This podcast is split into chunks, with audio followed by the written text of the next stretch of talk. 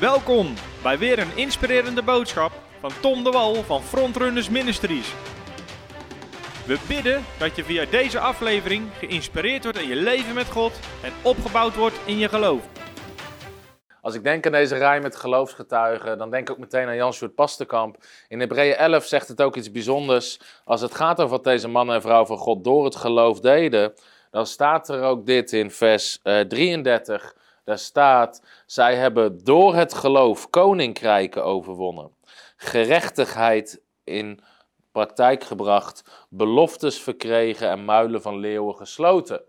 Maar de eerste zin is, zij hebben door het geloof koninkrijken overwonnen. Een andere taal zegt subdued nations of kingdoms of zegt changed nations. Door hun geloof hebben mannen en vrouwen van God uit de Bijbel landen veranderd. Denk hierbij aan een Daniel. Denk hierbij aan een Mozes. Denk hierbij aan een Jozef en een Esther. Die door hun geloof landen veranderden. En als ik daaraan denk, dan denk ik aan Jan Sjoerd Pastekamp. En ik heb zitten denken, hoe moet ik deze uitzending noemen? Want Jan Sjoerd was, was, als, hij was een geestelijk vader, hij was een vriend, hij, was een, hij is een generaal van God. En hoewel hij zichzelf, denk ik, nooit zo genoemd heeft, is hij een groot apostel. Want er zijn meer dan 600 gemeentes uit zijn werk ontstaan. En hij noemde zichzelf altijd gewoon zendeling. Maar als iemand zoveel gemeentes, uh, zoveel gemeentes ontstaan uit jouw werk, uh, dan ben je, wat mijn overtuiging, absoluut een apostel. Um, maar misschien is een van de mooiste dingen wel, door het, het evangelie verandert samenlevingen. Dat zei Jan Sjoerd altijd, daar had hij geloof voor. En ook die mensen in Hebreeën 11, door hun geloof hebben ze landen veranderd. En ik geloof dat we met deze uitzending dat we Jan Sjoerd kunnen eren. Uh, dat we kunnen vertellen over zijn leven. Dus ik ga vertellen over zijn leven. Ik ga een aantal uitspraken die Jan Sjoerd deed, wat mooie verhalen vertellen. Maar ik wil ook gewoon het hebben over zijn leven. Uh, wie die was, hoe die geleefd heeft. Voor ons om te leren ook. Hij is een enorme inspiratiebron. En misschien ook wel omdat John Stewart een hele eenvoudige man was. Hij was niet iemand die heel charismatisch was, die zichzelf ophemelde um, of die heel bijzonder overkwam. Het was een hele eenvoudige man, maar het was een man vol geloof, vol wijsheid, vol van de Heilige Geest. En juist in zijn eenvoud heeft hij landen veranderd, heeft hij mensen veranderd. En, en dat was het mooie aan Jan Short. Dus als Jan Short keek, juist omdat het geen hele bijzondere man was om te zien, uh, bouwde dat geloof in de mensen die naar hem luisterden. En bouwde dat vertrouwen naar de mensen die hem luisterden. Om hetzelfde te doen en om hem daarin te volgen. Dus het was een grote generaal uit het Koninkrijk van God. En dat gaan we ook wel zien in deze uitzending. Dus Jan Sjoerd wordt een stukje naar voren geschoven om hem naast Smith Wigglesworth te behandelen. Nou, ook als ik wil ook vertellen wat hij voor ons persoonlijk betekende, maar voor de mensen die hem kenden, de Bijbel zegt in nummer 12 vers 3 dat Mozes was de meest zachtmoedige man op aarde. En misschien was Mozes de meest zachtmoedige man op aarde, maar voor mij komt Jan Stewart voor een goede tweede plek in aanmerking. Want het was ook een van de meest nederige mensen en zachtmoedige mensen die ik ooit ontmoet heb. Dus ik wil kort gaan vertellen over zijn leven, hoe hij geleefd heeft, wat hij gedaan heeft. En ook een aantal van zijn levenslessen en wat hij in ons leven onder andere betekend heeft. Om aan te tonen hoe, zijn leven, uh, hoe hij zijn leven eigenlijk gebruikt om anderen te inspireren. Nou, Jan Sjoerd is opgegroeid eigenlijk in een streng christelijk gezin met vijf kinderen. En via zijn broer Klaas, en voordat ik verder ga vertellen trouwens, je kan zijn verhaal als je wil. Een heel groot deel van zijn levensverhaal staat in dit boek. Je moet je buik omdraaien. Dat zeiden ze in Papua Nieuw-Guinea als ze bedoelden je moet je bekeren. Dus dit boek, ik denk dat het nog te krijgen is. Ik weet het niet, ik heb het niet gecontroleerd. Maar um, als je nog nooit zijn levensverhaal hebt gelezen, dan kan je dat doen um, in dit boek.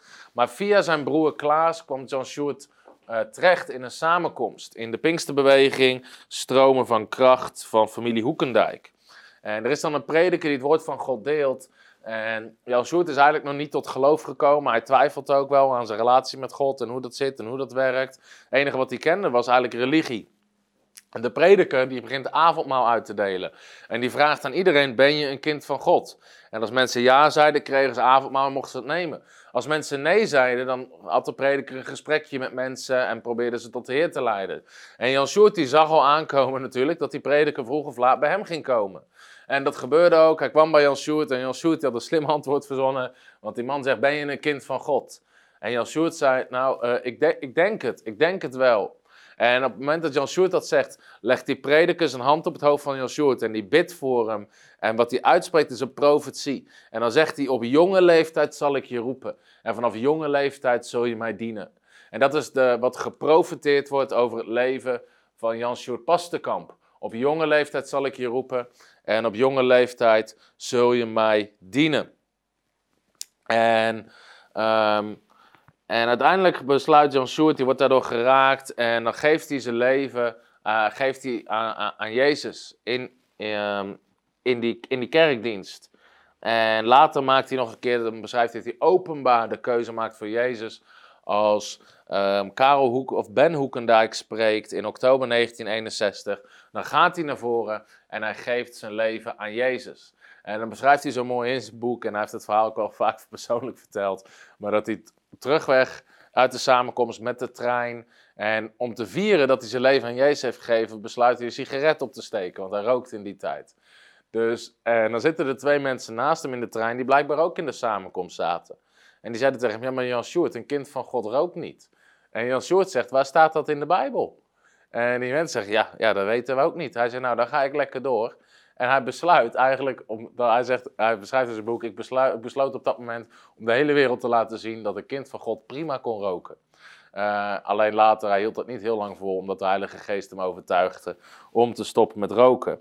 Nou, op dat moment is Jan Sjoerd 17 jaar oud, als hij tot de Heer komt. En dan komt hij thuis en hij is zo vol van God dat hij besluit om naar zijn kamer te gaan om te bidden.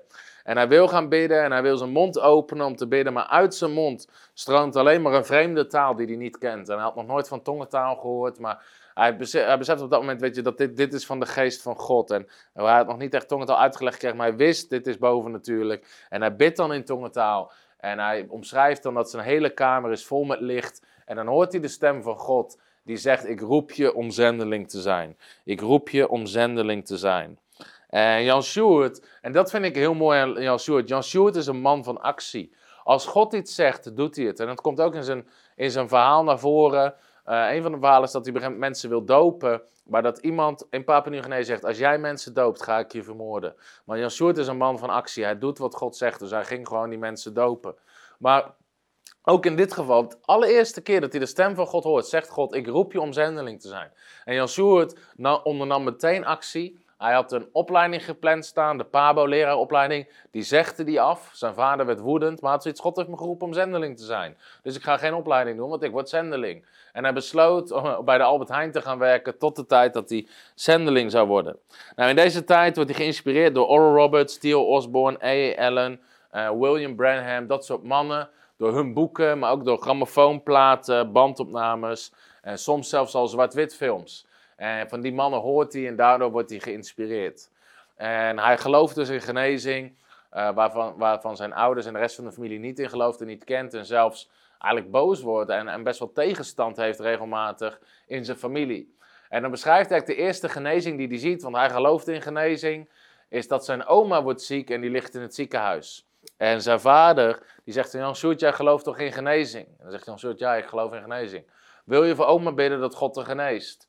En Jan Sjoerd gaat dan naar het ziekenhuis, maar zijn oma ligt al op sterven. En de hele familie is bij elkaar Eigenlijk om afscheid te nemen. En hij beschrijft dat acht ooms en tantes, die zitten dan met aanhang, iedereen erbij, om afscheid te nemen van oma. En Jan Sjoerd beseft, ik kan hier niet openbaar bidden, want de rest van de familie zaten, waren allemaal zwaar tegen, gelovigen en zouden woedend worden als hij, daar zou, als hij daar zou bidden voor genezing. Dus hij bidt eigenlijk in zijn hart van, heer, geef me een opening, geef me tien seconden om voor oma te bidden. En dan komt de zuster binnen en die moet het bed verschonen. En die vraagt dat de hele familie eventjes naar de gang wil gaan om te wachten. En de familie gaat eruit en Jan Sjoerd gaat ermee en heel de familie gaat zitten op de gang wachten. En Jan Sjoerd blijft naast de deur wachten, zodat zodra ze weer naar binnen mogen, hij als eerste naar binnen kan. En heeft hij hooguit 10 tot 20 seconden voordat de rest binnen is. En die zuster die is klaar met het bed verschonen, die loopt eruit om de familie te halen. En Sjoerd weet, ik heb 10 seconden. Dus die loopt naar het bed van zijn oma toe. Hij legt zijn hand op zijn oma en zegt, Heer, genees oma in Jezus' naam, amen. En dat is het enige wat hij kan bidden in 10 seconden. En dan komt de familie weer terug, maar zijn oma geneest. En die komt eigenlijk van de sterfbed af en die heeft daarna nog jaren geleefd. Dat is het eerste wonder uh, van genezing wat hij ziet. En één jaar na zijn bekering, op zijn achttiende levensjaar, uh, predikt Jan Sjoerd voor het eerst in de samenkomst. En dan is hij 18 eh, jaar oud en daarvoor gaf hij al bijbelstudies, maar uiteindelijk heeft hij dus 57 jaar lang het woord van God gepredikt. 57 jaar lang. En op een jeugdweekend ontmoet hij dan Kobe voor het eerst. Die wordt in dat jeugdweekend, geeft hij de leven aan Jezus en die wordt vervuld met de Heilige Geest. En in de winter van 1963, 1964 krijgen Jan Sjoerd en Kobe verkering. En in die tijd gaan ze met paard en wagen evangeliseren. En ze trekken met andere jongeren van dorp tot dorp uh, om te evangeliseren en mensen over Jezus te vertellen. En die foto mag je even laten zien. Dat is denk ik de eerste foto. Ja, hier zie je dat ze met paard en wagen bovenin aan het evangeliseren zijn. Jezus Christus is dezelfde gisteren en heden. En uh, rechts zie je ook de foto dat ze trouwen en wat jonge foto's van Jan Stewart. Dus in deze tijd trekken ze rond met paard en wagen en doen ze openlucht-samenkomsten. En eigenlijk ook meteen de bediening van evangelist is heel sterk in Jan aanwezig. Hij heeft overal het verlangen om mensen tot de Heer te leiden. En in deze tijd, hij vertelt ook het bijzondere verhaal dat ze in Culemborg aan het evangeliseren zijn. En dan in Culemborg met paard en wagen, waar ze rondtrekken. Dan op een gegeven moment zijn ze daar en ze doen dus openlucht-samenkomsten met dat paard en wagen. En dan uh, gaat het nieuws rond dat een groep jongelui, een groep jongeren die tegen het die heeft besloten om ze in elkaar te gaan slaan. En ze sliepen in een veld bij een boer. En de politie had al gehoord dat ze s'nachts ergens van plan waren om ze op te zoeken om in elkaar te slaan. En de politie kan niet constant erbij blijven, maar die beloofde vaker heen en weer te rijden. En uh, Jan Stewart en Kobe en een paar andere mensen die mee waren, die begonnen, die begonnen te bidden voor bescherming die nacht. En op een gegeven moment horen ze de groep in de vette aankomen. En ze horen ze schreeuwen en gillen. En die groep komt eraan en die komt dus op en af om ze in elkaar te slaan.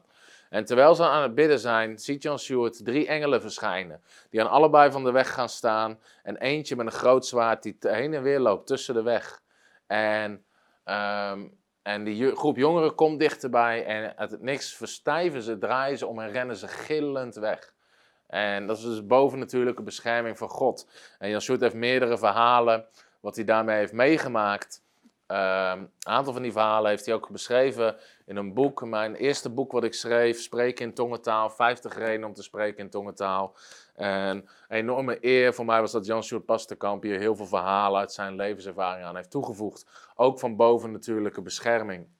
Ook verhalen dat tijdens evangeliseren uh, met de jeugdgroep, dat, uh, dat iemand wilde uh, de evangelist slaan en dat zijn hand bevroor in de lucht en niet verder kon bewegen totdat ze gingen bidden. Uh, en die man zijn hand weer vrij kreeg. Dat soort bovennatuurlijke verhalen van bescherming uh, maakten ze mee. Vanaf zijn 19e, 1965, doet John Stewart alleen nog maar evangeliseren en dient de Heer vol tijd. Dus vanaf zijn 19e maakt hij dat besluit om voltijd te evangeliseren. Uiteindelijk heeft hij 55 jaar lang, 55, 56 jaar lang de Heer voltijd gediend. En Jan Sjoerd trouwde met Kobe in januari 1966.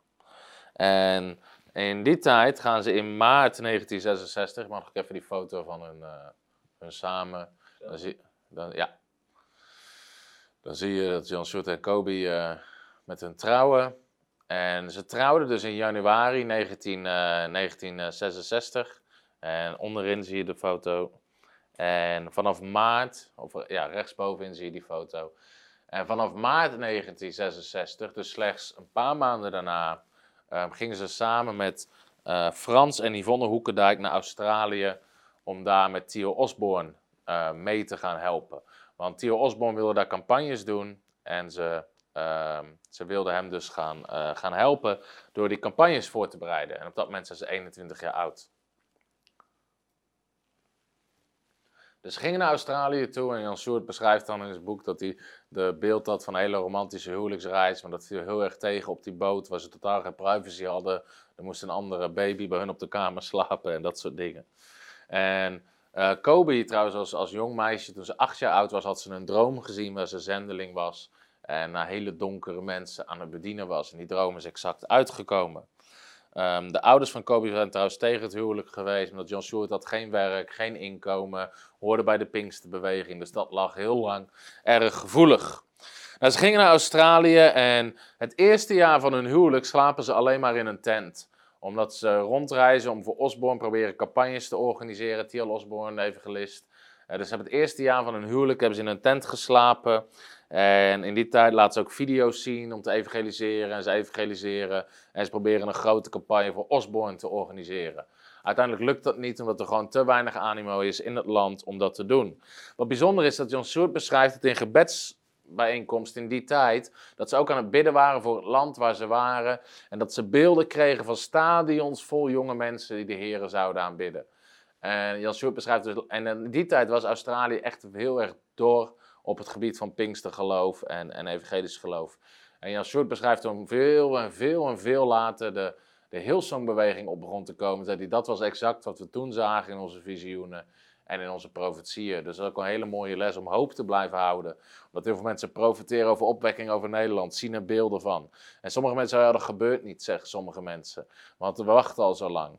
Maar in die tijd kregen ze dus al profetieën en beelden wat later uitkwam. Een mooi verhaal is in Australië. Op een gegeven moment is het, uh, is het geld op van Jan Stewart en Kobe.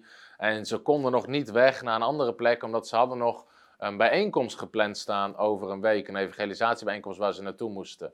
Dus een week lang eten ze havermout en drinken ze koffie totdat ook dat op is en ze helemaal geen eten meer hebben. Ze hebben geen benzinegeld, ze hebben helemaal niks meer. Het enige wat ze kunnen is nog met de benzine die in de tank van hun auto zit naar de bijeenkomst toe rijden.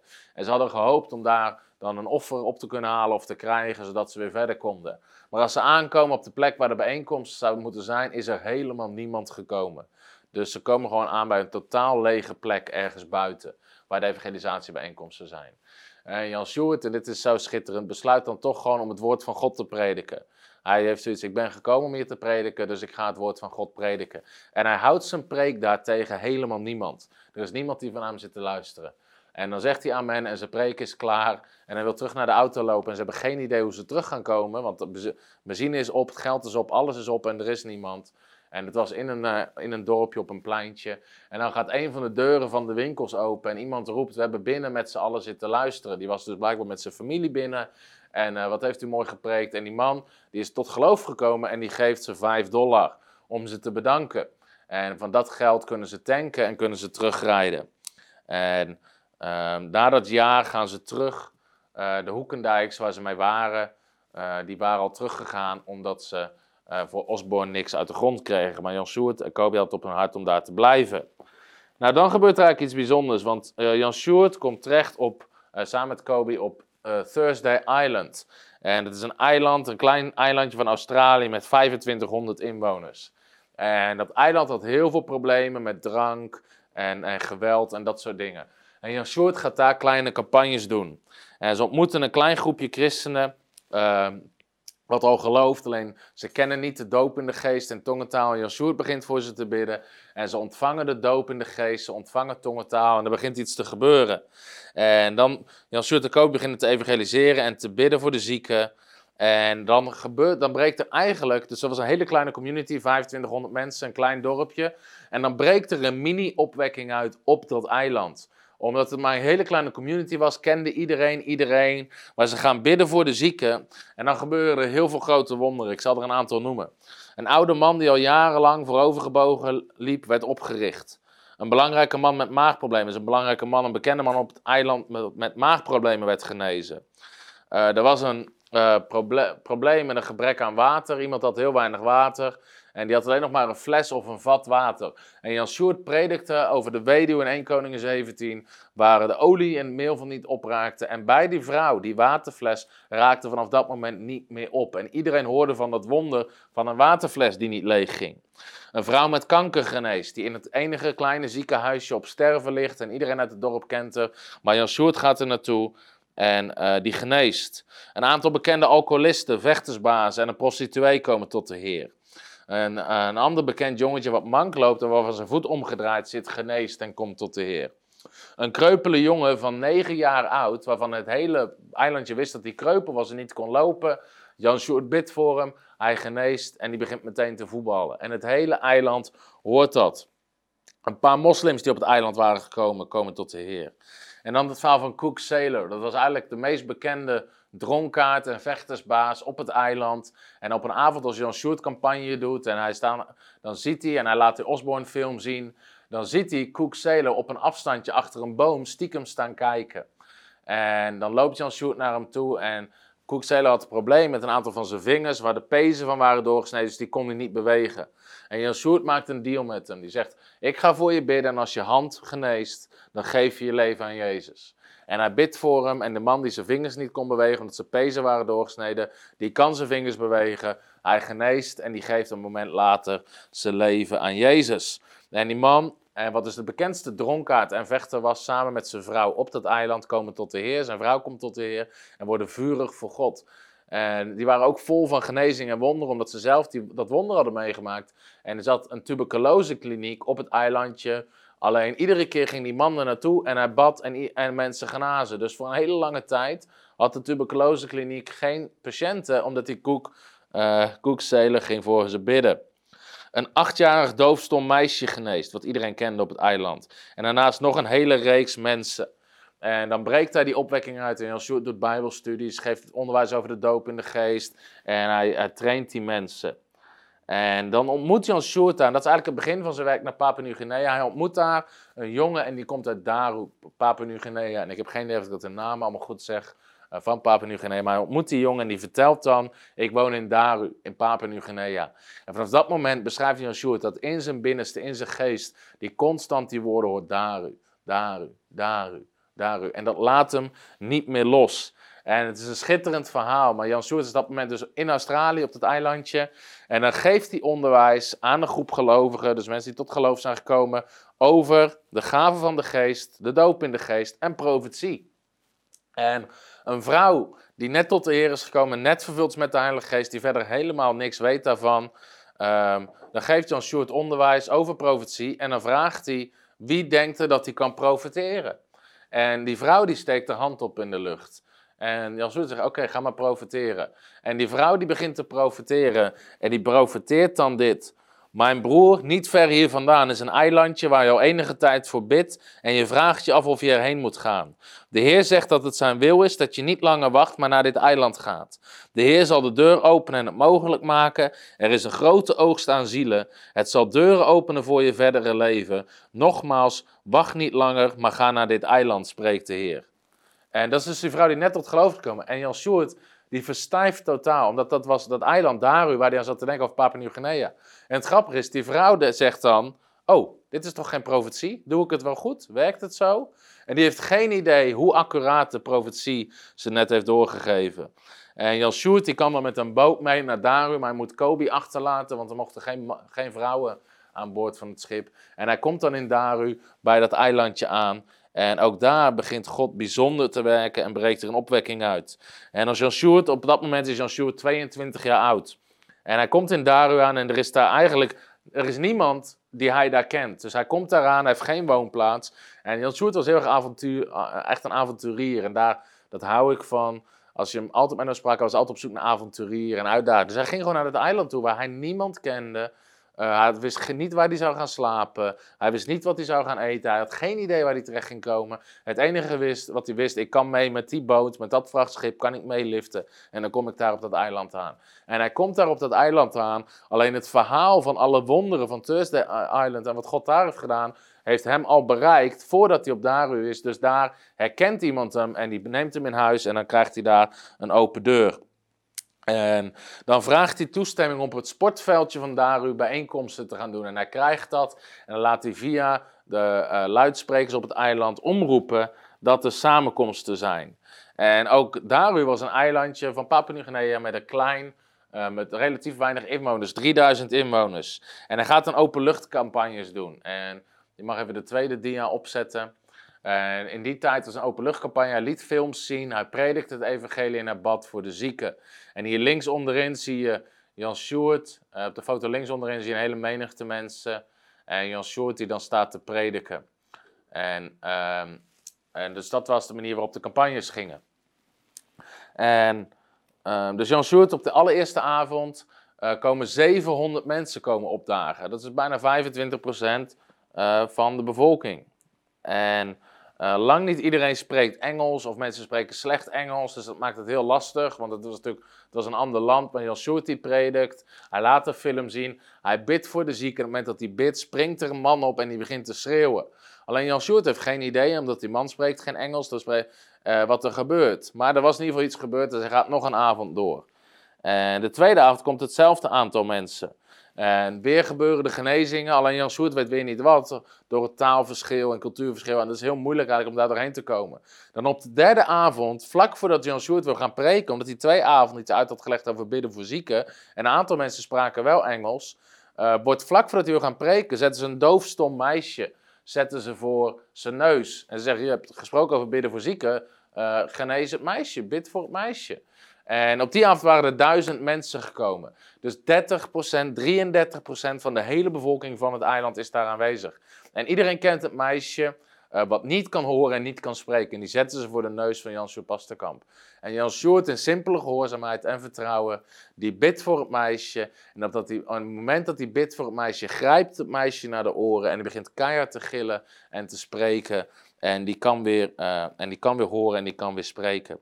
En Iedereen op het eiland kende dat meisje. En de menigte is buiten zinnen. En Jan Sjoerd beschrijft hoe de hele menigte uitbreekt in feest. En ze beginnen te dansen, inheemse dans te doen. En Jan Sjoerd die wil eigenlijk uh, een beetje temperen, want hij wil met zijn samenkomst door. Die wil prediken en oproep doen. Alleen de mensen zijn zo door het dolle heen en beginnen zo hard te dansen en te feesten, dat er die avond niks meer van de samenkomst terechtkomt. Want de mensen zijn niet meer rustig te krijgen. En dat soort samenkomsten gaan door, de genezingen blijven gebeuren. Hij begint bijbelstudies te geven. Mensen worden gevuld met de Heilige Geest. En het mooie is, mensen wisten helemaal niks. Dus mensen die gevuld werden met de Heilige Geest begonnen in tongentaal te spreken. Hij zei dan tegen Jan Sjoerd, nou spreek ik ook Nederlands. En dan moest hij echt van alles uitleggen uh, hoe dat, wat het was en hoe het werkte. En Jan Sjoerd beschrijft dat in zijn gebedstijd hoort hij, uh, hoort een aantal dingen die God zegt. En God zegt tegen hem, Raboul, Kavieng en Bougainville. En hij had nog nooit van deze plaatsen gehoord, maar hij kijkt dan naar de landkaart van Papua-Nieuw-Guinea en dan ziet hij dat er plaatsen zijn in Papua-Nieuw-Guinea en hij besluit om daarheen te gaan. Hij gaat kort terug naar Australië om voorbereidingen te treffen voor zijn reis en om Kobe op te halen. En uiteindelijk vertrekken ze dan naar Papua-Nieuw-Guinea, waar ze dus 14 jaar lang gewoond hebben. En waar ook hun zonen Mark, Steven en Daniel uh, zijn geboren. Jan Stewart uh, was 23 jaar toen hij in Raboul aankwam. Maar toen hij terugkwam, nog even in Australië om voorbereiding te treffen, toen kwam de politie naar hem toe. En die bedankte hem omdat het eiland veranderd was. En dat vind ik eigenlijk een mooi getuigenis van Jan Stewart's leven. Overal waar hij kwam, veranderden samenlevingen. Eilanden kwamen tot geloof. De hele samenleving, de dronkaards, de vechters kwamen tot geloof. Dus de politie kwam hem bedanken en dat is keer op keer gebeurd in zijn leven, omdat hij geweest was, omdat letterlijk de maatschappij veranderd was. Dus de politie bedankt hem omdat het eiland veranderd was. Dan komt hij in Raboul, wat, wat in die tijd het regeringscentrum was van Papua-Nieuw-Guinea, dus later verplaatst. En christendom, hoewel er een paar andere traditionele zendingsstromingen zijn, is het christendom eigenlijk zo goed als onbekend. En heel veel mensen geloofden uh, in geesten. Ze hadden meer dan 800 stammen die allemaal uh, geloofden in het aanbidden van geesten en demonische machten. En dat is ook het verhaal dat Jan Sjoerd, als hij daar aankomt, dan zit hij de allereerste avond zit hij op zijn balkon. En terwijl hij daar zit, uh, al die stammen hadden maskers, van die houten maskers, die ken je misschien wel uit Afrika of dat soort landen. En terwijl hij daar zit, verschijnt er in de lucht een masker, wat dus een demon was. En dat masker dat leeft, dat beweegt. Zijn ogen kijken Jan Sjoerd boos aan. Zijn hele mond verrekt. En dat masker zweeft voor hem en staart hem boos aan. En Jan Sjoerd beseft, dit is de heersende demon. En later kwam hij dus achter dat dat masker was vertegenwoordigde demonen, die mensen die echt maskers maakten. Maar dit was een demon. En het masker wat hij zag was de heersende demon van alle stammen. En dat keek hem boos aan en Jan Sjoerd roept dan de naam van Jezus aan. En dat masker verdwijnt. Maar hij beseft wel, ik ben hier midden in een geestelijke strijd terechtgekomen. En dan komt hij daar ook een aantal mensen tegen. Die hebben gehoord van Thiel Osborne. Um, maar die zijn niet vervuld met de Heilige Geest. Ze bidt voor ze en ze raken vervuld met de Heilige Geest. En dan als een lopend vuurtje gaat het nieuws rond dat er iemand is die Osborne kent. En christenen, gewoon inheemse Papua-Nieuw-Guinese christenen hadden daarvan gehoord. Want Osborne was een bekende evangelist. Maar ze hadden allemaal niet de doop in de geest ontvangen. Dus toen het bekend werd dat er iemand was die Osborne kende en kon bidden voor de doop in de geest, kwamen er heel de dag mensen naar zijn huis om de Heilige Geest te ontvangen. En in, dit, in die tijd beginnen ook mensen te vallen in de geest, dat helemaal nieuw was voor ze, wat ze niet kenden. Dit is ook ver voor andere opwekkingen eigenlijk waar ze daarvan hoorden. En Jan Soert beschrijft in het boek dat ze thuis bidden voor iemand en die valt in de geest en die is aan het praten eh, met een engel of met Jezus in een visioen. En Jan Sjoerd en Kobe die staan daarbij te kijken en die hebben eigenlijk geen idee, mag dit wel, kan dit wel, hoort dit wel. Dus Kobe besluit om die persoon eigenlijk aan te raken van joh, gaat het wel goed? En die persoon die is met zijn ogen dicht, daar ligt te praten, die doet zijn ogen open, die draait op zijn en zegt, zuster, ik bestraf je ongeloof. En die draait weer terug en die praat weer verder in dat visioen uh, met een engel of met Jezus.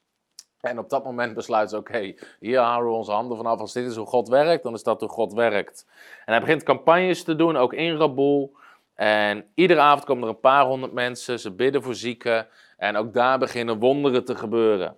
En daarna geven ze nazorgcursussen en onderwijs. En Jan Sjoerd leert in deze tijd ook een belangrijk verschil tussen een zondagsgebed bidden. Want hij beschrijft dat hij heel veel avonden ontzettend veel mensen het zondagsgebed baden. Maar dat ze zich niet verder uh, op de cursussen kwamen opdagen of bij de Bijbelstudies. En hij leert daar het verschil tussen uh, Jezus aannemen en je bekeren. En Jan Sjoerd's bekendste uh, prediking ging denk ik altijd over bekering. Daar gaat ook zijn boek over. Je moet je buik omdraaien.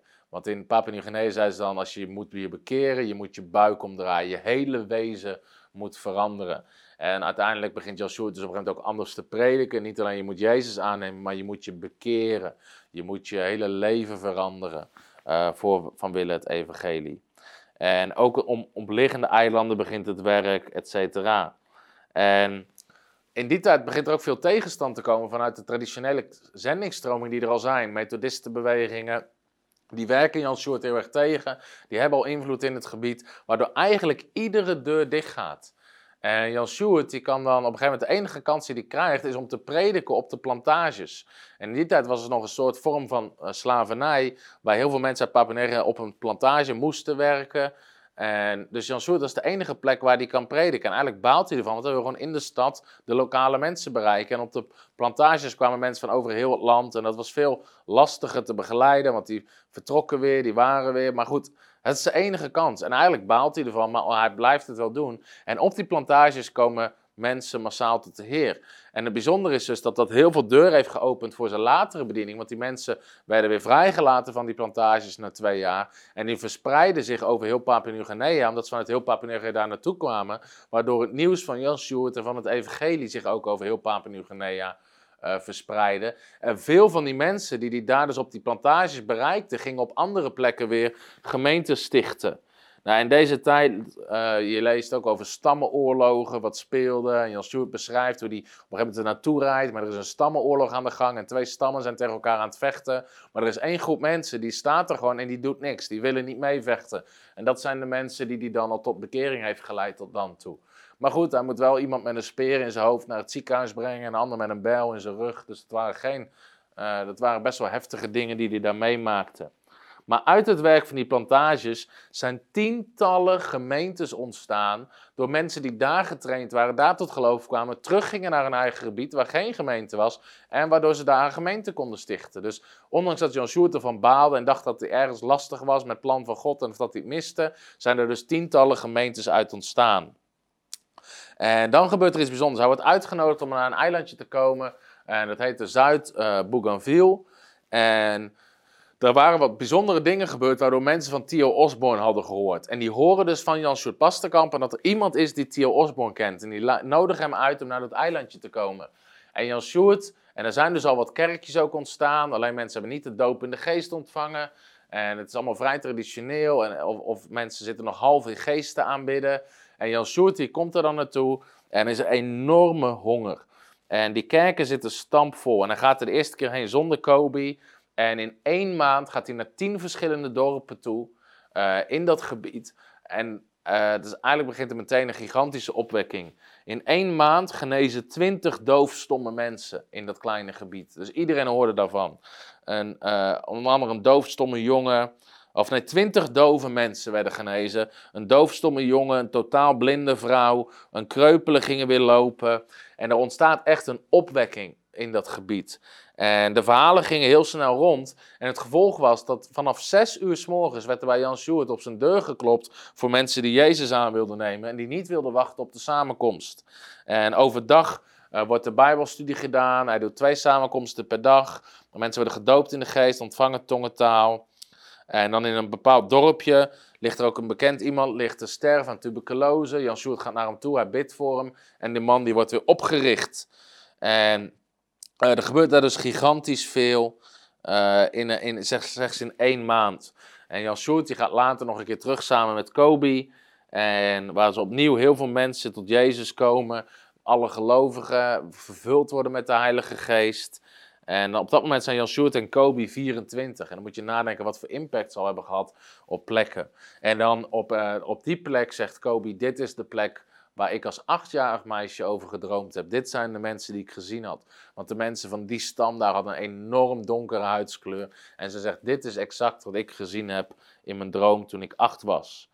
En eigenlijk de allerlaatste keer dat ik zelf bij Jan Sjoerd en Kobe thuis was, uh, slechts een paar weken terug, uh, toen, toen vroeg ik ook hoe het met ze ging. En toen vertelde Jan Sjoerd dit verhaal. En hij zei van, uh, dat toen met de 50 jaar reunie, toen waren ze daar op die plek. En toen vroeg Jan Sjoerd aan Kobe van, joh, wat vind je ervan? En toen heeft Jan Kobe, Kobe zei toen, joh, het is goed, ons werk is klaar, de race hebben we gerend, het is volbracht. Het is 50 jaar nadat we hier zijn begonnen. Toen ik acht was, heb ik het visioen gehad, we hebben gedaan wat God van ons vroeg. En dat was eigenlijk een heel mooi moment dat ze zo konden, zo konden getuigen hoe ze een race hadden gerend en trouw waren geweest. En er gebeurden ook hilarische dingen, ook bizarre dingen. Zeker met, het, met de geesten die aanbeden werden en de demonie die er was. En een van de verhalen die Jan Sjoerd uh, vertelde, en misschien heb je het wel eens gehoord, is het verhaal van David uh, Pocaro. Pocaro. En het was, David Pocaro was een klein mannetje. En ik weet niet of, kan je de tweede foto nog eens opzetten? Of kijken of dat er een foto uh, tussen de foto's in de dia staat. Um, David Pocaro was een. Um, even kijken hoor. Ik denk niet dat ik deze foto erop heb. Nee, je mag even uh, de gewone camera weer. Uh, David Pocaro, hier zie je een foto. Uh, ik denk niet, ja, hier kan je het gewoon zien. Een man met een enorme Bijbel. En Jan Sjoerd vertelde dit verhaal altijd graag omdat David Pocaro was een man met een enorm zondige levensstijl. Hij kende God niet, enorm zondige levensstijl, was een vechtersbaas, hij veroorzaakte heel veel problemen. Um, en op een gegeven moment raakte die man zwaar, zwaar demonisch bezeten. En de hele stam was bang voor hem. Hij deed bizarre dingen door de kracht van de duivel. Hij ging midden in het vuur zitten en hij verbrandde niet. Hij liep over hele kleine, hij klom hoog in bomen en liep dan over de dunste takken, zonder dat het brak onder zijn gewicht. Bizarre, demonische dingen gebeurden daar. En iedereen in die stammen was bang voor hem. En op een dag overlijdt die man, David Bocaro, en ze gaan hem begraven. Maar die man, David, die krijgt een visioen, krijgt, heeft een ontmoeting met Jezus als hij overleden is. En Jezus geeft hem de keuze, zegt predik het evangelie. En dan zal ik je terugbrengen. En hij zegt, is goed, ik zal prediken. En hij wordt weer wakker, dus hij doet zijn ogen open terwijl ze maar begraven zijn en gaat rechtop zitten. En de mensen dachten dat hij nog steeds demonisch bezeten was. Dus er zijn mensen die hebben een paar dagen lang gerend om weg te komen van wat daar aan de hand was met die man.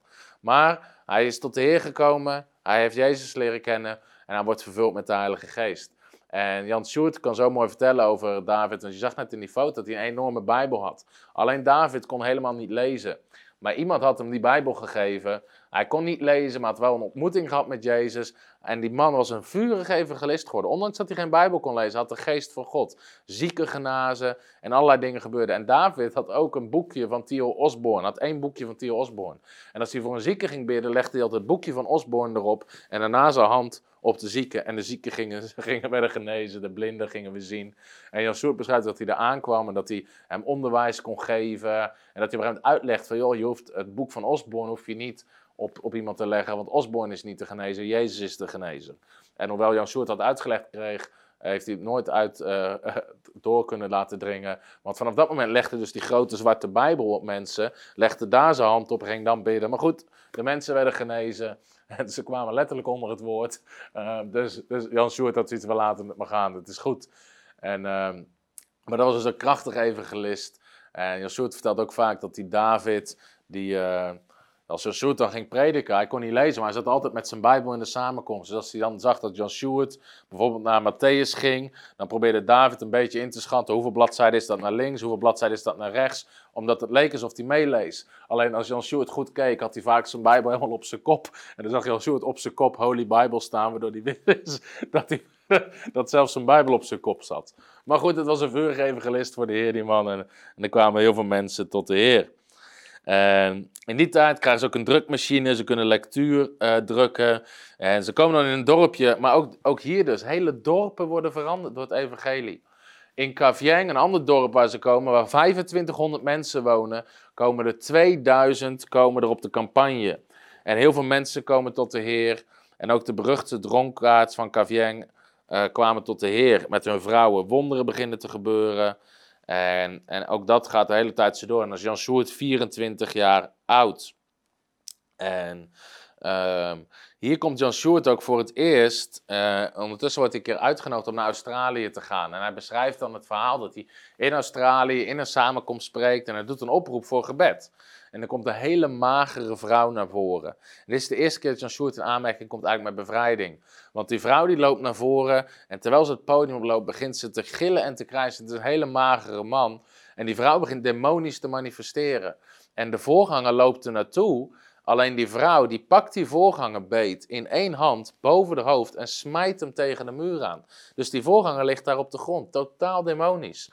Een andere oudste wil die vrouw bedaren, die loopt naar de toe. Maar die vrouw schopt hem in zijn buik en die man die klapt dubbel en die valt ook op de grond. En Jan Sjoerd kon het zo hilarisch vertellen, maar hij wist ook niet wat hij moest doen.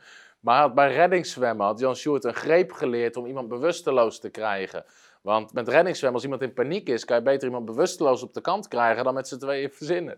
Dus Jan Sjoerd kan zo hilarisch vertellen dat hij zegt, ja, het was niet heel geestelijk, maar wel effectief. Maar Jan Sjoerd krijgt die vrouw dus in die greep, die krijgt die vrouw bewusteloos. En half bewusteloos brengen ze er naar het kamertje achter de samenkomst, waar die vrouw weer een beetje bij komt, weer begint te manifesteren. En daar uh, bevrijden ze er. Maar het was niet geestelijk, maar wel effectief. En die vrouw is dus vrijgekomen. En de demonen, Joshua beschrijft dat terwijl ze aan het bidden waren, de demonen schreeuwden: You are hurting us, you are hurting us. Met een enorm zware mannenstem uit die, uh, uit die vrouw. En Soort vertelt veel schitterende verhalen. Ook dat hij op een gegeven moment uh, in Australië dus een, een, een, eh, een, een koppel, wat naar die samenkomst was gekomen, nodigde hem uit voor de lunch. Want ze hadden gehoord over de doop in de geest, maar die man durfde niet naar voren te komen in de samenkomst. Dus tijdens de lunch zegt die man, ik wil graag de doop in de geest ontvangen. En Jan Soert vraagt, bent u een kind van God? En dan begint die man te vertellen over dat hij, uh, dat hij mormoon is en heel trots is op, uh, op mormonengeloof en mormonenbijbel en allerlei tempels gaat. En, uh, maar hij wil wel de Heilige Geest ontvangen. En Jan probeert uit te leggen dat het een secte is, maar daar wil die man niks van weten. En hij, vraagt, mag ik de Heilige Geest ontvangen? En dan bidt Jan Sjoerd om wijsheid en Jan Sjoerd zegt, ja, ik ga voor u bidden. En als hij gaat bidden, bestraft Jan Sjoerd eerst die geest van dwaalleer. En die man wordt bevrijd en ontvangt de Heilige Geest, spreekt in tongentaal. En op het moment dat hij weer bijkomt, uh, zweert hij zijn hele mormonen geloof af en zegt hij, wat ik nu heb, is echt. En, uh, dus dat is, dat, is, dat is een tijdje dat hij even in Australië is om daar te prediken. En uh, uiteindelijk de mensen die uh, Jan Sjoerd, weer terug in uh, Papua Nieuw-Guinea, begint hij daar ook weer mensen te trainen, samenkomsten te doen. En ehm, in een ander dorp, Tari, waar hij aan het prediken is, komt iedereen naar voren uh, voor een oproep om Jezus aan te nemen. En in allerlei dorpen gebeurt dat. Dus hele dorpen komen tot Christus en eigenlijk de samenleving wordt veranderd. En dan gebeurt er eigenlijk iets heel bijzonders, want Sjoerd krijgt een verzoek om naar de Solomons-eilanden te komen. En de laatste keer dat Jan Sjoerd bij ons was, die preek kan je nog uh, terugluisteren op YouTube. Als je Jan Pastenkamp jouw unieke zalving intypt, dan kom je hem tegen op ons YouTube-kanaal. Maar Jan Sjoerd wordt, uh, krijgt op uitnodiging, gaat hij naar de Solomons-eilanden toe. En Jan begint daar samenkomsten te doen in het dorp en allerlei mensen uh, komen tot Jezus. En er breekt echt een opwekking uit. Er breekt een opwekking uit, er gebeuren gigantische wonderen. En tot midden in de nacht komen mensen naar zijn huis toe, gewoon om hun leven aan Jezus te geven, dat ze niet willen wachten op de volgende samenkomst. Mensen beginnen hun amuletten van toverij beginnen ze te verbranden. En gigantisch veel mensen komen tot bekering. Mensen worden bevrijd van boze geesten. En in één week worden meer dan 100 mensen worden daar vervuld van de Heilige Geest. En er is echt een totale opwekking. En Jan Sjoerd beschrijft dan dat hij door, de, door die dorpjes heen loopt en dan om 12 uur s'nachts hoorde je uit ieder huisje hoorde je mensen Bijbel lezen. Hoorde je mensen in tongentaal bidden. Hoorde je mensen lof zingen. En vanaf 6 uur s morgens hoorde je mensen Bijbel lezen en lof zingen. Gewoon vanuit de huizen. Er was een totale opwekking gebeurd. En in een van die dorpjes, uh, Karakra heette dat dorpje, waren er na tien dagen dat Jan Sjoerd Pasterkamp daar aankwam en, en begon te getuigen van Jezus. Na tien dagen waren er maar drie mensen van het dorpje niet bekeerd. Drie mensen waren er niet bekeerd. Dus een gigantische beweging van God, uh, mensen genezen, et cetera. Maar het bijzondere wat Jan Sjoerd ook beschrijft was de enorm diepe bekering. Het was niet alleen, ja, ik geloof in Jezus, Mensen bekeerden zich. Want Jan Sjoerd begon te prediken over bekering. Je leven rechtzetten, vergeving vragen.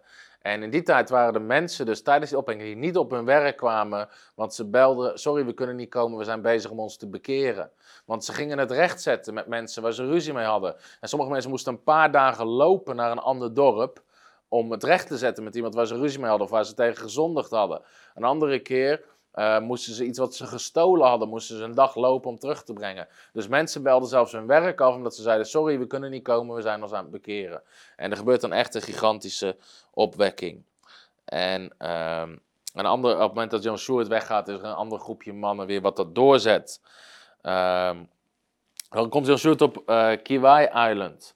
En op dat eiland heeft hij het eigenlijk niet naar zijn zin en hij beschrijft dat in zijn boek, want er zijn enorm veel muskieten, hij kan ze niet beschermen, het is warm, het is heet, hij moet slapen op de grond en het is eigenlijk verschrikkelijke omstandigheden. En dan zegt hij eigenlijk min of meer boos tegen God, heer wat doe ik hier?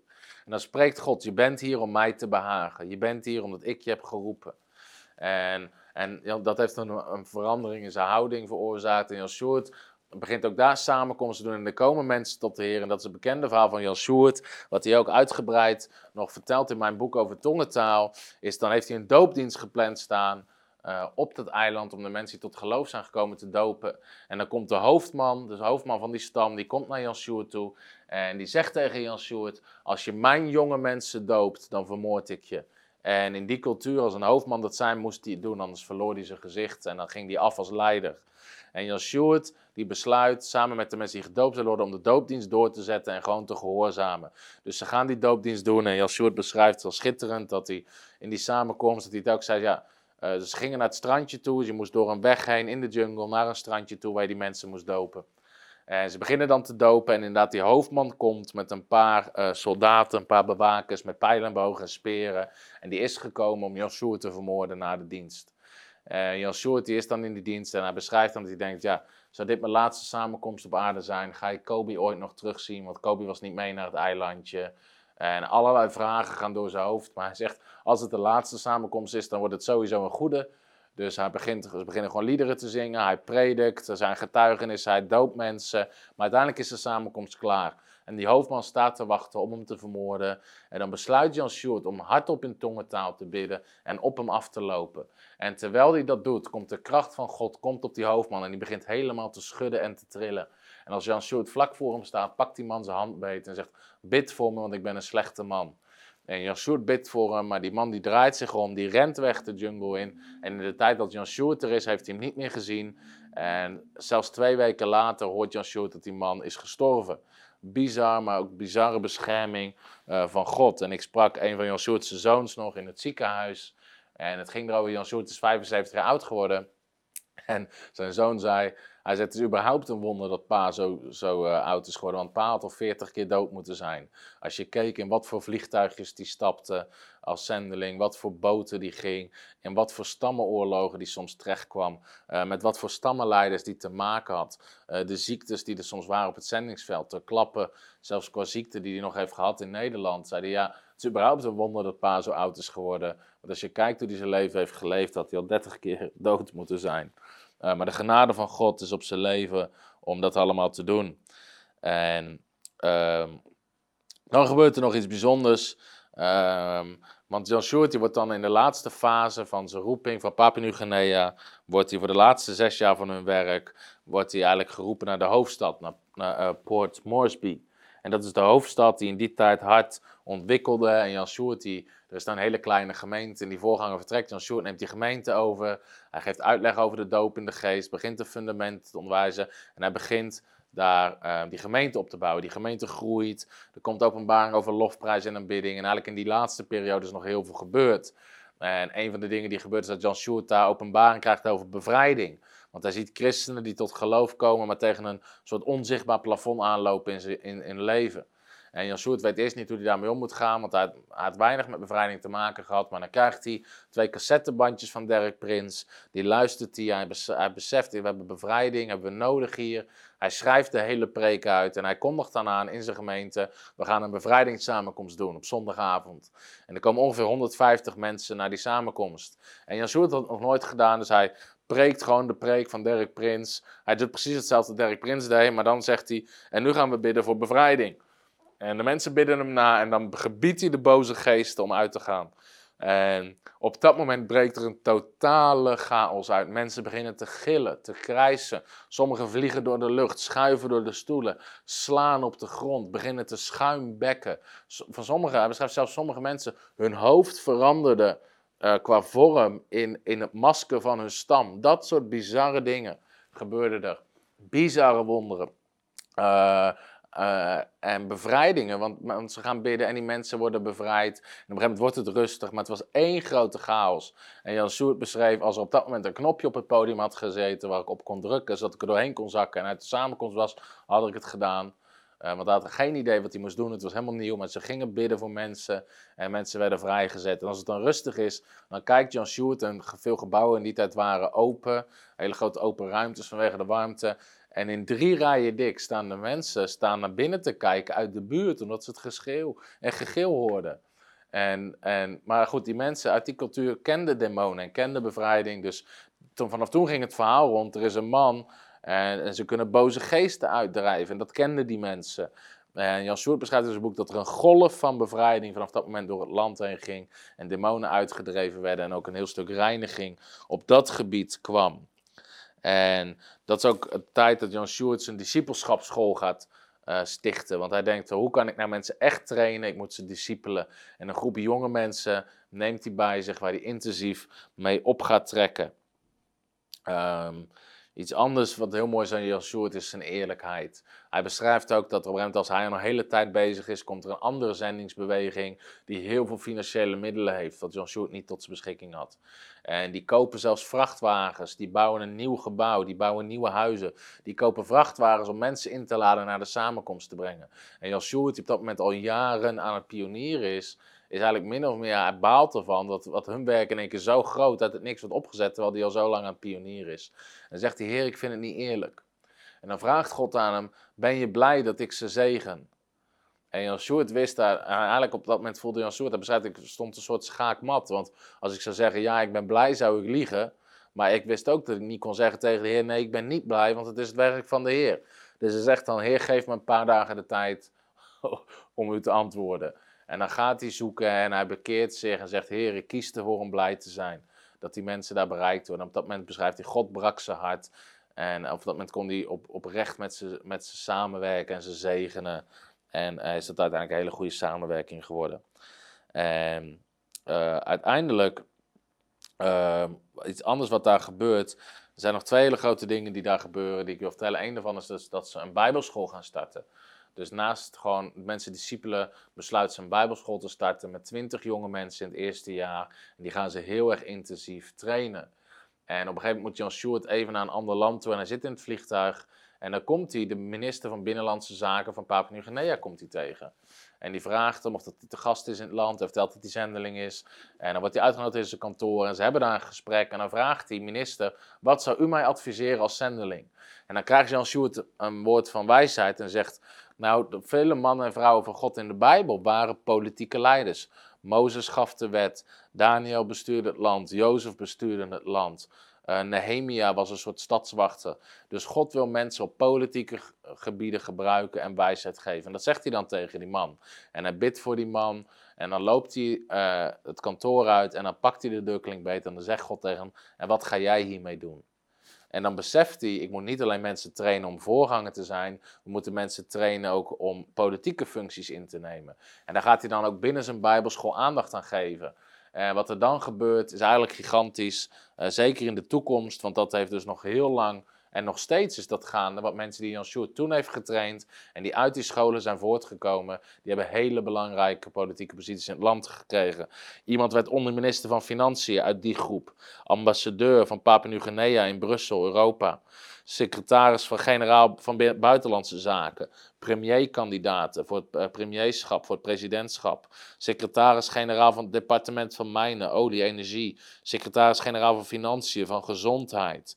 Uh, weer anderen dienden op andere plekken in de, in de regering. Anderen werden advocaat, notaris, ingenieur. En de mensen die Jan Sjoerd trainde in zijn bijbelschool kwamen op hele hoge posities in het land als christenen.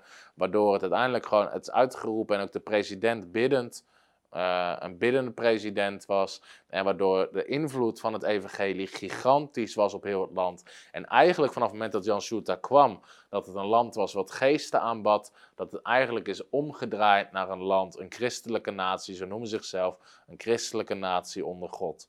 En dat is zo'n zo'n kenmerk van een apostel, uh, om, om, om op dat niveau te kunnen beïnvloeden door de genade van God. Um, dus dat gebeurde. En iets anders wat gebeurde in die tijd was een enorme opwekking onder bendeleiders. Want er was een gigantisch probleem met bendes in de hoofdstad begon te ontstaan. Want er waren heel veel jongeren die gingen rebelleren tegen de vorige generatie. Maar het resultaat was diefstallen. Zelfs in het huis van Jan Sjoerd, hij had een hek om zijn huis. Hij had prikkelbossen om zijn huis, hij had een waakhond. werd negen keer ingebroken en gestolen. Uh, auto's werden gestolen, vrouwen werden verkracht, mensen werden vermoord. Er was een gigantische probleem, problematiek uh, met, die, met die bendes en die bendeleiders. En Jan Sjoerd beschrijft dan in zijn boek dat ze ervan baalden. Iedereen uh, in de kerk moest continu wachtgroepen zijn, s'nachts, want anders werd alles leeggestolen. Niemand voelde zich veilig. En in een samenkomst waar ook een andere gast is uit het buitenland, zegt Jan Sjoerd, dit land heeft betere politie nodig. En, die gast, en in die tijd was David Wilkerson, een bekende predikant, die bendeleiders in Amerika tot de Heer leidde. En die gast die dan bij Jan Short is, die zegt: Dit land heeft geen betere politie nodig, dit land heeft een David Wilkerson nodig. En dan beseft Jan Short: wacht eens, de oplossing is geestelijk, niet natuurlijk. De oplossing is geestelijk. En Jan Sjoerd preekt dan over dit land heeft een David Wilkerson nodig. En een van die jongens op zijn bijbelschool, Charles Lappa, die bidt, Heer laat mij die David Wilkerson zijn. En die krijgt een tijd later de kans om een van de bendeleiders tot de Heer te leiden. Jan Sjoerd krijgt de kans om een andere belangrijke rebellenleider tot de Heer te leiden. En die vragen, mogen wij met de bende naar de kerk komen? En dan geven ze daar toestemming voor natuurlijk. En dan de allereerste avond komen 60 bendeleden komen naar de kerk en die komen tot geloof. De tweede avond weer 60 komen tot geloof. De derde avond 50 komen tot geloof. Nou, de politie hoorde dat al die bendes naar de kerk kwamen. Dus die gingen de weg afzetten om ze te arresteren. Maar dan wachten ze gewoon tot de politie weg was. Want om 12 uur dachten ze, nou, ze komen niet meer. En dan gingen ze alsnog naar de kerk. En avond na avond na avond komen gigantisch veel bendes en bendeleiders komen daar tot God en bekeren zich. En zelfs mensen, uh, zelfs bendeleiders die anderen vermoord hadden en de gevangenis in moeten. Want zelfs, ze geven zichzelf aan omdat ze zich bekeerd hebben. En die worden dan in de gevangenis gezet, maar ze worden allemaal vervroegd vrijgelaten omdat ze zoveel mensen tot de Heer leiden. Zeggen ze zelfs in de gevangenis, jullie zijn tot meer nut buiten de gevangenis dan in de gevangenis. Dus de mensen die gevangen gezet werden, werden zelfs weer vrijgelaten. En uiteindelijk uh, in de kranten werd geschreven over de bekeringen van de bendeleiders. En het hele land wordt erdoor beïnvloed. En zelfs de minister van Justitie en de minister van Politie, die bedanken ze. De minister van Justitie komt zelfs tot geloof daardoor, geeft zijn leven aan Jezus, wordt vervuld met de Heilige Geest. En de politie besluit dat ze een grote campagne kunnen doen om bendes te bereiken. En die zou betaald worden door de politie. En dat is ook gebeurd, waardoor nog meer mensen tot de Heer komen. En uiteindelijk is dat de tijd dat God spreekt tot Jan Pastekamp en zegt: Japan is je volgende opdracht.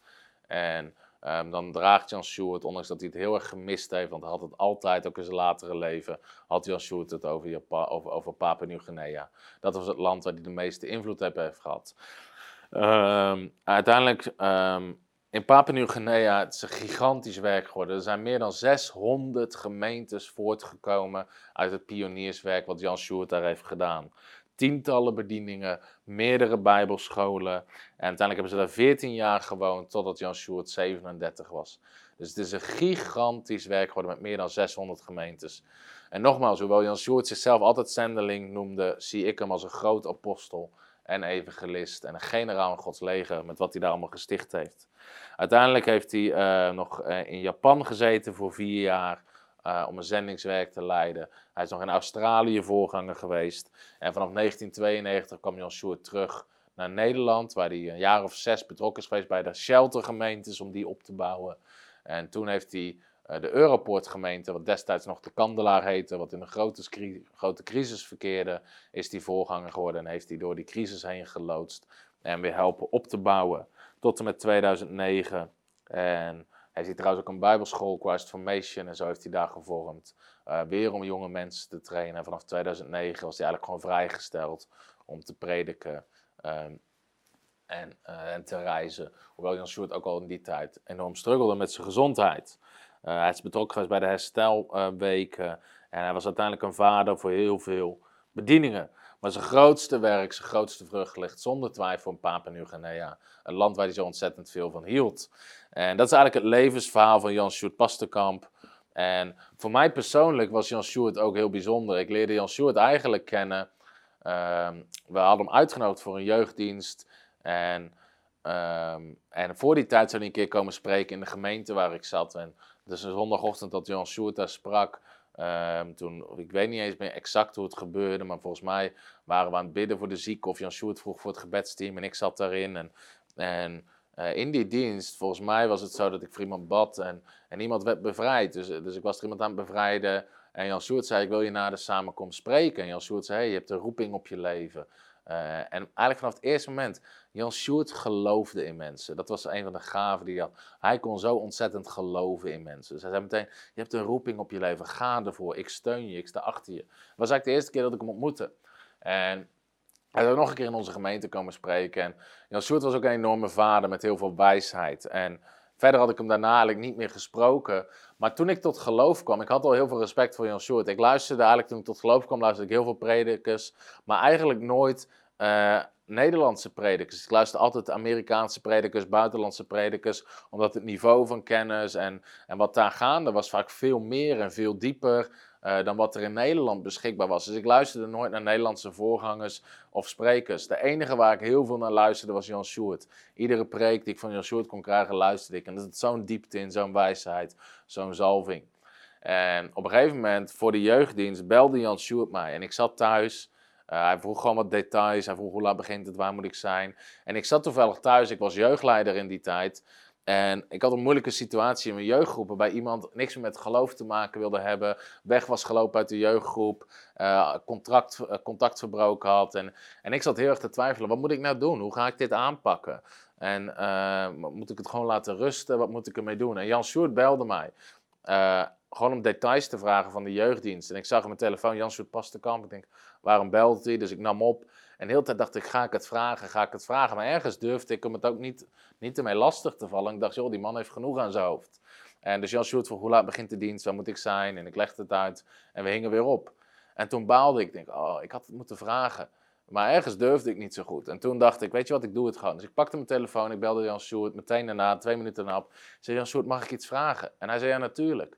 Dus ik legde uit de situatie waar ik in zat. Ik zeg, wat moet ik doen? En Jan Sjoerd, en dat was goud aan Jan Sjoerd. Voor je gevoel kon je een hele lastige situatie hebben. En Jan Sjoerd die vroeg me één, één hij zei maar één ding. Hij zei, Tom, wat zou de goede herder doen? En ik zei, ja, die laat de 99 achter om één te zoeken. Ik zei precies. En Jan Sjoerd zegt precies, dus dat is wat jij moet doen. En toen hing die op. En dus toen was het gesprek klaar. Want, maar in één zin gaf ze mij het antwoord wat ik moest doen. En ik heb dat gedaan en het heeft gewerkt. Maar uh, dat was ook Jan Sjoerd. Hij had een gigantische wijsheid. Soms dingen waar je daarover na kon denken. Stelde die één vraag en dan had je je antwoord. En, en wat ik zei, Jan Sjoerd kon oprecht in mensen geloven. Toen ik Jan Sjoerd belde, en later zijn we heel goed bevriend geraakt. Kwam ik bij hem thuis, gingen we vaak samen iets eten. Uh, kon ik hem al mijn vragen stellen. Maar Jan Sjoerd kon in je geloven. Dus toen God tot me sprak om frontrunners te starten, de allereerste die ik opbelde was Jan Sjoerd, want ik wilde zijn zegen hebben. En als Jan Sjoerd er niet achter zou staan of zou zeggen het is niet de tijd, zou ik het niet doen. Ik belde Jan Sjoerd op, ik zei Jan Sjoerd, uh, ik heb het op mijn hart om mijn eigen bediening te starten. Ik geloof dat God het heeft gezegd. En Jan Sjoerd die bad ervoor en zei meteen, het is van God, ga ervoor. Ik sta achter je, ik steun je. En Jan Sjoerd kon zo ongelooflijk in je geloven. Hij was altijd zo enthousiast over alles wat er gebeurde. Toen we onze online bijbelschool opzetten, bijbelschool.tv. De allereerste die langskwam om te prediken was Jan Sjoerd. Op een gegeven moment sprak God op me. En God zei midden in de nacht, ik wil dat je een boek schrijft over tongentaal. En ik wist dat Jan Sjoerd prachtige getuigenis heeft, verhalen heeft over tongentaal. Dus ik belde Jan Sjoerd op. Ik zei, Jan Sjoerd, je moet een boek schrijven over tongentaal. En Jan Sjoerd zei, eindelijk, eindelijk, ik help mee. En meteen op alle manieren dat hij mee kon helpen, hielp hij mee, heeft het voorwoord geschreven. En Jan Sjoerd was altijd enthousiast in ons magazine. Je kan hem trouwens gewoon gratis aanvragen, ons magazine op onze website. Maar uh, toen we na gingen denken, wie willen we interviewen voor ons magazine? De allereerste waar ik dacht, ja, die moeten we interviewen, was Jan Sjoerd Pastenkamp. Dus ik heb Jan Sjoerd geïnterviewd over wandelen in je roeping. Maar ook hier was Jan Sjoerd was altijd meteen enthousiast. En ik heb van alles gevraagd. Maar je kan, je kan het magazine gewoon in onze webshop aanvragen. Maar wat is het mooiste wat u mee heeft gemaakt op het zendingsveld? Wat is het moeilijkste? Wat is uw grootste geloofstap geweest? Uh, allemaal dat soort dingen. Wat, hoe, hoe zijn die opwekkingen ontstaan? En dat soort vragen heb ik Jan Sjoerd gesteld. En je kan ze antwoorden lezen in het magazine. Misschien is het wel een van de laatste interviews die hij gedaan heeft. Uh, ik weet het niet, ik denk het wel. Um, maar zo enorm inspirerend. Ook Jan Stewart. En toen ik hem sprak, was hij al erg ziek en zwak en mocht hij niet meer vliegen. Was ik dan vroeg, Jan Stewart, waar heeft u spijt van? Dat ik niet in het, ziekenhuis, dat, dat ik niet in het, in het, vliegtuig kan stappen. Dat ik niet weer zendeling ben. Want eigenlijk wilde hij altijd gewoon weer zendeling zijn. Hij wilde naar een vreemd land waar hij niemand kende. Op avontuur samen met Jezus om het land te veranderen. Dat was altijd zo in het hart van Jan Stewart. En dat was schitterend. Hij kon zo in mensen geloven. En... Um, ook geest geleid. Het is gewoon een aantal mooie eigenschappen van Jan Sjoerd. Op een gegeven moment, ook in onze bediening, werden we uit het kantoorpand waar we in zaten, moesten we uit. En ik reed door de straten en God zei tegen me, Tom, dat is je gebouw. En dat is het gebouw waar ik nu in zit met onze videostudio, onze trainingszaal, onze kantoren. En, maar financieel totaal onhaalbaar. Ik had echt dat God het zei. Dus ik belde Jan Sjoerd. Ik zei, Jan Sjoerd, dit is de situatie. We moeten eruit. Ik heb het geld niet. Maar uh, God zegt, denk ik dat dat ons pand is. Maar dus ik zei, ik wil een handtekening gaan zetten onder het contract, maar we hebben geen geld.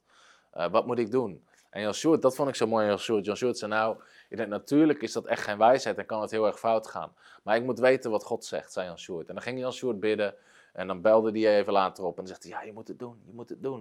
En dan had hij God gehoord. En dat was zo schitterend wat Jan Sjoerd altijd deed. Hij was, hij was altijd, voor mij, zoals ik hem ervoor, hij was altijd geleid door de geest. Dat hij, hij hoorde God. Hij kwam niet zomaar met zijn eigen mening erin of, of met, ik heb dit gezien uit ervaring. Nee, hij ging echt oprecht bidden. Hij nam tijd om te bidden voor een besluit waar wij uh, voor stonden. Zodat hij daar oprecht vanuit de geest van God kon inspreken.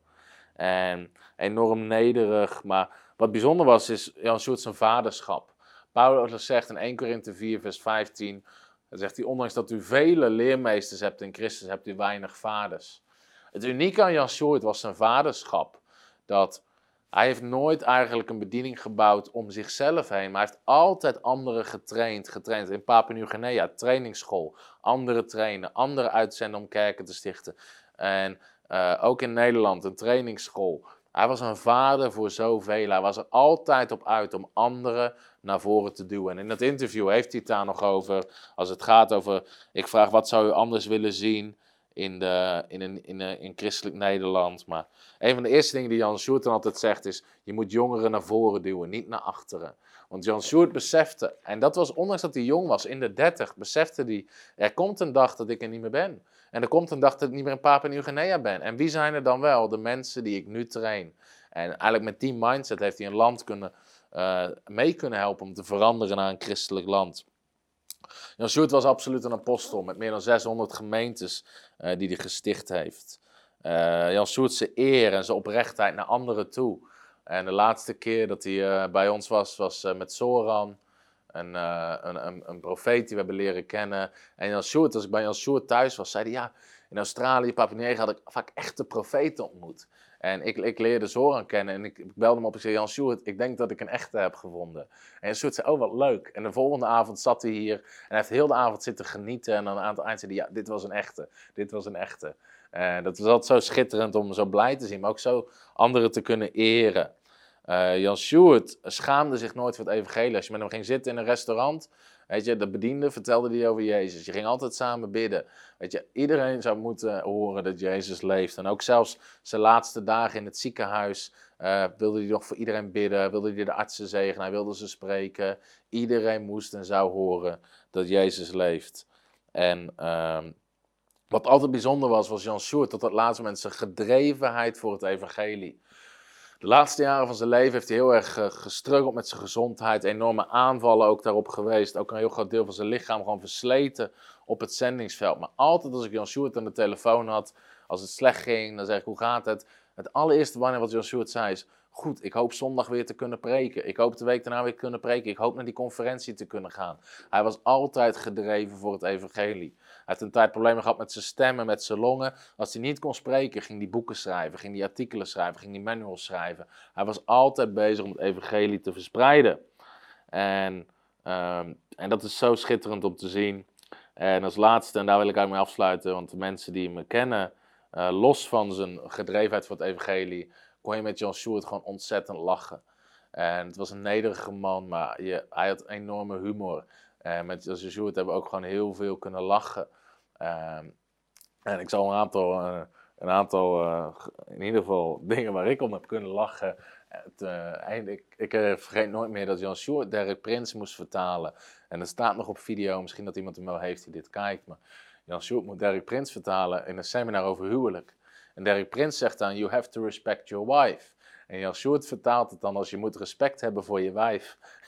en dat deed hij per ongeluk, maar die hele zaal ligt dubbel van het lachen. En Derek Prins die staat er zo bij van wat gebeurt er, waarom lachen ze? En Jan Sjoerd krijgt het ook gewoon niet uitgelegd, maar die moet ook lachen. Het is echt schitterend. Uh, maar ook gewoon zijn opmerking. Ik vergeet nooit dat we in een restaurant zaten. En we zaten samen in een restaurant te overleggen over iets. En ze hadden, er stond een bloemetje op tafel, maar die waren ze denk ik vergeten te vervangen. Want die, die zag er niet meer uit, die was al gestorven. En Jan zegt tegen degene die onze eh, bestelling opkomt nemen, hij zegt, mevrouw, dit is geen bloem, maar een treurwilg. en die vrouw die zegt, oh sorry, sorry, sorry meneer. En, maar goed, je kon gewoon ontzettend met hem lachen. En ik moest hem ook een keer thuis brengen. Uh, en ik moest zelf nog weer door naar een andere samenkomst. Dus we hadden behoorlijke haast en er ontstond file. En ik nam een verkeerde afslag. In ieder geval Um, ik moest best wel heel scherp en hard door een bocht heen. En ik, ik reed een heel klein autootje. Maar goed, het ging, het ging goed. We gingen heel scherp door die bochten. En, en Jan Sjoerd kijkt me aan. Het enige wat hij zegt... Nou, hij ligt in ieder geval goed op de weg, deze auto. en je kon gewoon altijd met hem lachen. Als je Jan Sjoerd ontmoette, hij was altijd grap aan het maken. was altijd voor humor. En uh, we kunnen nog even wat andere foto's laten zien. Ook van de slides, van zijn leven. Maar uiteindelijk was het gewoon een gigantische generaal van God. En nogmaals even om terug te pakken op Hebreeën 11... Hij heeft landen veranderd. Hierbovenin zie je doopdiensten die hij deed in Papua Nieuw-Guinea. Aan de rechterkant zie je Jan Sjoerd die echt door een rivier heen aan het waden is om in een samenkomst te komen. Uh, links zie je hem bidden voor de zieken en een klein stukje van de menigtes uh, die kwamen. Uh, volgende foto. Hier zie je een stukje linksboven in het land van Papua Nieuw-Guinea. Nog een keer bidden voor de zieken en hoe de mensen er daarbij liepen. En dit was de eerste foto. Oh ja, we hebben nog één met een briefje, dat was goed. En dit is uiteindelijk toen Jan Stewart. Um, um, hebben we nog één? Ja. En dit is de laatste foto. Dit is nog een brief die Jan Stewart heeft gekregen van Papua Nieuw-Guinea. Om hem te bedanken voor zijn inzet voor het evangelie. En dat het land erdoor veranderd is. En gewoon ze, ze danken hem. Het land, Papua Nieuw-Guinea, dankt hem voor zijn trouw aan God uh, de gehoorzaamheid die hij had, waardoor het land letterlijk veranderd is. En ik denk dat dat is ook wat het leven van Jan Sjoerd typeerde. Door het evangelie heeft hij landen veranderd. Heeft hij landen veranderd. En in Nederland, we zullen hem onwijs dankbaar zijn. Hij is een grote generaal geweest in Nederland. En met deze uitzending wil ik je gewoon inspireren over een hele gewone man. Een hele gewone man, maar die gehoorzaamde God. Hij geloofde Gods woord. Hij deed wat God zei en God heeft hem groot gebruikt. En door zijn geloof heeft hij landen veranderd. Daar had hij het ook altijd over. We moeten volkeren discipelen. Disciple the nations. Disciple natie. Niet alleen mensen, natie. En ik denk dat dat een heel groot leerpunt is. Nogmaals, als je meer van hem wil lezen of verhalen, uh, je zou mijn boek kunnen bestellen waar verhalen in staan. Schitterende verhalen. Maar je kan ook gewoon ons magazine gratis aanvragen op onze website.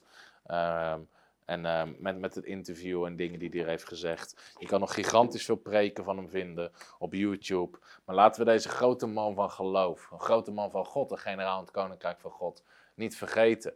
En ik ben hem ontzettend dankbaar voor wat hij heeft gedaan voor mij, voor mijn familie, voor mij persoonlijk. Hij heeft ons huwelijk ingezegend, hij heeft altijd achter ons gestaan.